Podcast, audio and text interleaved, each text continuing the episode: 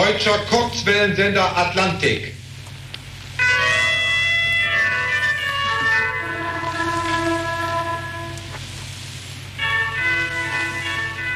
Ja, zo begon iedere avond de Atlantiekzender in de Tweede Wereldoorlog.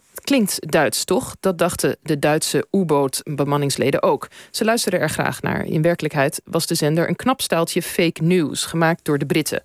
Met hun Duitsstalige nepzender hoopten ze nepnieuws van binnenuit onder de Duitsers te kunnen verspreiden. Ja, en te gast is historicus Ivo van der Weijden, die over deze historische fake news radio voor het Historisch Nieuwsblad deze maand een artikel schreef. Dat heet Trollen tegen nazi's. Uh, even mijn eigen persoonlijke nieuwsgierigheid. Uh, Ivo, dat stukje orgel wat we net hoorden, was dat nou Bach? Nee, nee, nee. Het is uh, Es war ein schöne Montag in mei. Een uh, Duits uh, hitje. En dit is wel een soort orgelversie daarvan, dat wel. Goed. welkom dus. fake news noemden ze toen zwarte propaganda, de Engelsen. Wat hield het precies in en wat was het doel? Ja, nou ja, je had dus zwarte propaganda. Dat stond tegenover witte propaganda. Witte propaganda was in feite de BBC, die een Duitsstalige uitzending deed. En daar gewoon ja, voor Duitsers het nieuws vanuit Brits oogpunt uh, vertelde. Zwarte propaganda, dat waren zenders die uh, in het geheim uitzonden en juist zich voordeden als Duitse zenders. En het doel daarvan was uh, verdeeldheid zaaien binnen de Duitse volksgemeenschap. Daar was Hitler heel erg trots op dat, dat het Duitse volk een eenheid was. En dat probeerden de Britten uit elkaar te spelen. Ja, en zat er ook dan bij naast uit elkaar spelen proberen het, het, de moraal een beetje te ondermijnen? Ja, ja, het moest een demoraliserend effect hebben. Dat, uh, dat het niet goed ging of dat er dingen niet lekker liepen. Dat hoopte, hoopte men te bereiken, inderdaad. En op welk moment kwamen ze op dit idee, de Engelsen? Eigenlijk toen ze met de rug tegen de muur stonden. Uh, ze waren vertrokken uit Duinkerken, uh, ternauwernood geëvacueerd. Uh, Hitlers bommenwerpers die bombardeerden Britse steden in de Battle of Britain. En dat was in de zomer van 1940. En toen hadden ze eigenlijk niks anders. En toen dachten ze van nou, dan gaan we de Political Warfare Executive... een speciale afdeling oprichten. En die gaat zich dan op die zwarte propaganda ja, richten. Het was in een tijd dat het er niet best uitzag voor Engeland. Nee, eigenlijk voor alle nee. geallieerden niet. Nee. Dus ja, en, en één man, Sefton Delmer, is geloof ik ook de eerste biograaf biograaf van Prins Bernhard. Maar goed, iedereen heeft zijn gebreken. uh, uh, hij zorgde dat deze nepzender van de grond kwam. Hoe, hoe deed hij dat? Hoe, hoe, hoe, hoe probeerde hij het geloofwaardig te maken? Ja, Sefton Delmer was inderdaad een, een journalist... Uh, die uh, jarenlang in, in Duitsland uh, had gewerkt. Hij was ook de eerste Britse journalist geweest... die Adolf Hitler had geïnterviewd. En um, hij deed eigenlijk drie dingen. En het eerste was grotendeels de waarheid vertellen. Dus um, hij, die zender die, die had gewoon dezelfde nieuwsberichten... als Duitse zenders. Dus hadden, de Duitsers hadden per ongeluk een, een telex achtergelaten in Londen... die nog steeds de Deutsche Nachtrichtenagentur ontving. Dus dat haalden ze daar binnen. Hij haalde Duitse kranten via Zweden naar binnen. Uh, krijgsgevangenen werden afgeluisterd voor roddels en slang... om het authentiek te laten klinken. Dus het was hetzelfde als wat je in Duitsland te horen kreeg... maar dan af en toe een beetje getweakt, een beetje bijgedraaid. Het tweede was dus authenticiteit. Hè. Die slang, ik zei het al. Uh, hij probeerde ervoor te zorgen dat het Duits klonk... dat het aansloot op wat de Duitse militairen zelf zouden gebruiken... qua woorden, qua uitdrukkingen, qua roddels... die hij in die barakken van die krijgsgevangenen te horen kreeg. En uh, ja, er werd met oog voor detail naar gekeken. Dus uh, je had Noord-Duitse presentatoren, want die zaten allemaal in Berlijn. Maar reportages werden door mensen met uh, Zuid-Duitse accenten gedaan, zodat het een beetje echt leek allemaal. En het derde was eigenlijk, ja, Delmer had dus die verkiezingscampagne 1932 in Duitsland van, nou, van dichtbij meegemaakt. Was zelfs embedded geweest op Hitlers privévliegtuig, had interviews gehad. En hij had het idee van, ja, je kunt die Duitsers niet overtuigen door te zeggen van, nou, in Duitsland is het allemaal zo slecht. Nee, hij had wat hij zelf noemde Hitler in zijn soep spugen terwijl je al Hitler zegt.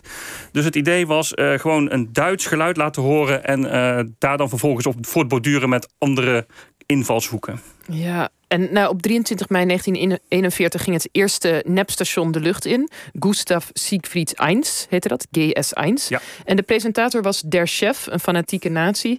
En omdat GS1 een top secret project was... is het onduidelijk of het materiaal wat nou is overgebleven... of dat echt echt is. Ja. Maar we gaan even luisteren naar een fragment... waarvan in ieder geval wordt beweerd dat we hier Der Chef horen. Was der Churchill met seinem scheiß Airport da in Aachen und in Köln und in Bremen und in anderen westdeutschen Städten angerichtet hat, das muss diesen scheiß Engländern zurückgezahlt werden mit Zins und Zinseszins. Ja, wat vertelt uh, Dear Chef hier ja, over de chef die maakt zich heel Englander, erg, hoorde ik in ieder geval. Ja. ja, klopt. Hij maakt zich heel erg boos over dat de Scheiß Air Force uh, dat die Duitse steden bombardeert. En uh, nou, dat is inderdaad dus ja, daar zouden Duitse militairen ook boos over worden. Daar wonen hun families. Ja. En het, het geniepige eigenlijk is dan wat Chef en Delmer zelf cover, cover, cover dirt noemde. Dus dit zouden de Duitsers allemaal voor waar aannemen. En dan zou hij daarna zeggen: het stukje dirt is dan ja. En ehm, natuurlijk hebben die Britten onze steden gebombardeerd. Maar dat komt ook omdat de nazi-top te weinig geïnvesteerd heeft in onze luchtverdediging. Of dat ze een stom offensief zijn begonnen, eh, waardoor alle jachtvliegtuigen de verkeerde kant staan. Ja, precies. En, en deze zender had ook een specifieke doelgroep, de Weermacht. Ja. Van waar precies die doelgroep? Ja, nou ja, zoals ik al zei, had een beetje het idee dat de, uh, de weermachtssoldaten waren die het niet zo nauw namen met de nazi-top. Die wel uh, ja, de Duitse krijgseer hoog in het vaandel hadden staan. En uh, hij probeerde dan daarop in te spelen door berichten uit te zenden dat het aan de nazi-top allemaal verkeerd ging. Dus dat er corruptie was, dat er zeg maar orgies werden georganiseerd met de vrouwen van U-bootkapiteins op zee. door hooggeplaatste nazi's. Om maar een beetje zeg maar te. Ja, ja, er was altijd al een tegen tegenstelling tussen de Weermacht aan de ene kant en de nazi-top en de SS aan de andere kant. En daar gaan ze in, in, in, in, in vriemelen en vroeden. Ja. ja. en dan later in de oorlog hebben de Britten ook nog een andere zender opgericht. Dat was uh, die Atlantiek-zender. Ja. Achtung, wir übermitteln jetzt eine wichtige Anweisung für U-Boot-Fahrer auf See, die Schluss machen und sich dem Feind ergeben wollen. Ein U-Boot macht Schluss, indem es folgendes Manöver ausführt, das vom Feind als Zeichen der Aufgabe anerkannt wird. Erstens, auftauchen und sofort auf Stopp gehen. Ja, dit, dit was dus die zender eh, die we net ook al aan het begin even hoorden voor de U-boot-bemanningsleden. Ja. Uh, wat horen we hier? Ja, dit is een opname uit april 1945. De oorlog is bijna voorbij. En Delmer had het idee dat uh, er wel U-bootsbemanningen zouden zijn die zouden willen opgeven. En dan liet hij een officieel stappenplan uitzenden dat uh, zogenaamd van hoger hand kwam. Van nou, zo moet je dat doen. En als je op deze manier stopt, je moest ook nog een periscoop omhoog doen, een vlag eraan hangen. Dan zouden de Britten je niet naar de kelder van de zeebodem jagen. Kijk, wat ja, goed. En, en dit, dit, dit zijn eigenlijk valse aanwijzingen, of niet? Of wat, ja, wat het maakt in principe niet zoveel uit. Uh, de, als ze boven zouden komen en zouden alsnog uh, getorpedeerd worden... dan ja, was in ieder geval weer één U-boot minder. Ja. Dus dat... Uh... Alle kleine beetjes helpen. Ja, dat was het idee. Hadden de Duitsers geen enkel vermoeden dat, dat dit nepzenders waren? Ja, dat is een beetje een, um, een moeilijk in te schatten. Waarschijnlijk wel. Um, het is zeg maar zo dat uh, ja, de dingen die werden uitgezonden, hè, er werden ranzige roddels verspreid, er werd jazzmuziek uitgezonden. Dat was deels wat het heel populair maakt, want dat mocht in Duitsland niet uitgezonden worden. En daarom luisterden die soldaten daar, uh, daar graag naar.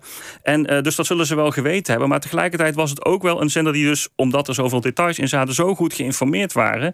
Dat er ook het idee was van, ja, misschien zijn er dingen die Goebbels in zijn Rijkspropagandaministerium voor ons verzwijgt. En die kunnen we wel op die Atlantikzender nog horen. Dus, en dat dachten, die zender was superkrachtig, dus die heel het Europese vasteland werd bereikt. En er zijn ook zeg maar, uh, berichten bekend van uh, Duitsers die ernaar luisterden. Zoiets hadden van, uh, um, ja, het zal misschien toch ook wel echt zijn, want het is voor de troepen. En dan is het nieuws sowieso rauwer en sowieso misschien reëler voor ons thuis. Dus we gaan luisteren wat er echt gebeurt op die, op die Atlantiekzender. Ja, dus de gedachte is misschien ook, de naties die hebben alleen maar positieve verhalen. Ja. Hier zijpelt misschien iets door van een werkelijkheid die er, die er ja. ook gaande is. Ja, dat dacht men aan het thuisfront heel erg. En ja, de, de soldaten aan het front konden inderdaad bevestigen dat het soms niet zo lekker liep. Nee, dat klopt.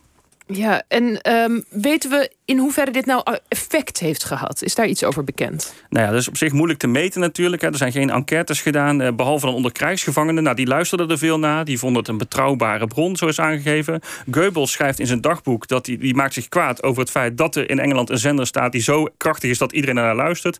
En uh, hij liet ook Duitse zenders berichten uitzenden van ja, pas op, dat bericht wat je daar gehoord hebt, dat is niet waar. Dus ja, ze deden wel iets goed.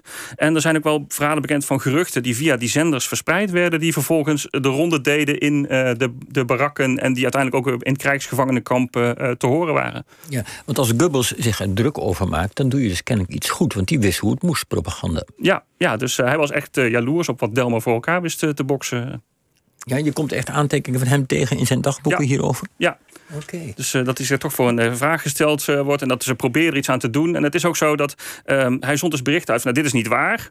En wat Delmer dan vervolgens deed, was zeggen van ja, let op, die, die berichten dat het niet waar is. dat zeggen we wel, maar eigenlijk is het wel waar. En dus hij gebruikte bepaalde terminologie die Goebbels gebruikte om het te ontkrachten. Hè, want dit is een officieel bericht en, van, de, van de overheid. Nou, En twee dagen later zond op Atlantic zender ook zoiets uit van... dit is een bericht van de Duitse overheid. en, ja, dus het was heel moeilijk om daar tegen te vechten. Net zoals nepnieuws nu nog steeds heel lastig te bestrijden is. Goed, dankjewel Ivo van der Weideven. En uh, wie meer over dit onderwerp wil weten, je artikel Trollen tegen de naties staat deze maand in het Historisch Nieuwsblad. En dan nog even de tussenstand van de petitie voor andere tijden. Inmiddels hebben uh, bijna 70.000 mensen getekend. En u kunt natuurlijk nog steeds tekenen. En uh, dit was het eerste uur van OVT. Straks na het nieuws van 11 uur dan zijn we terug. Met onder andere een documentaire over Napoleons laatste dagen op Sint Helena. Tot straks.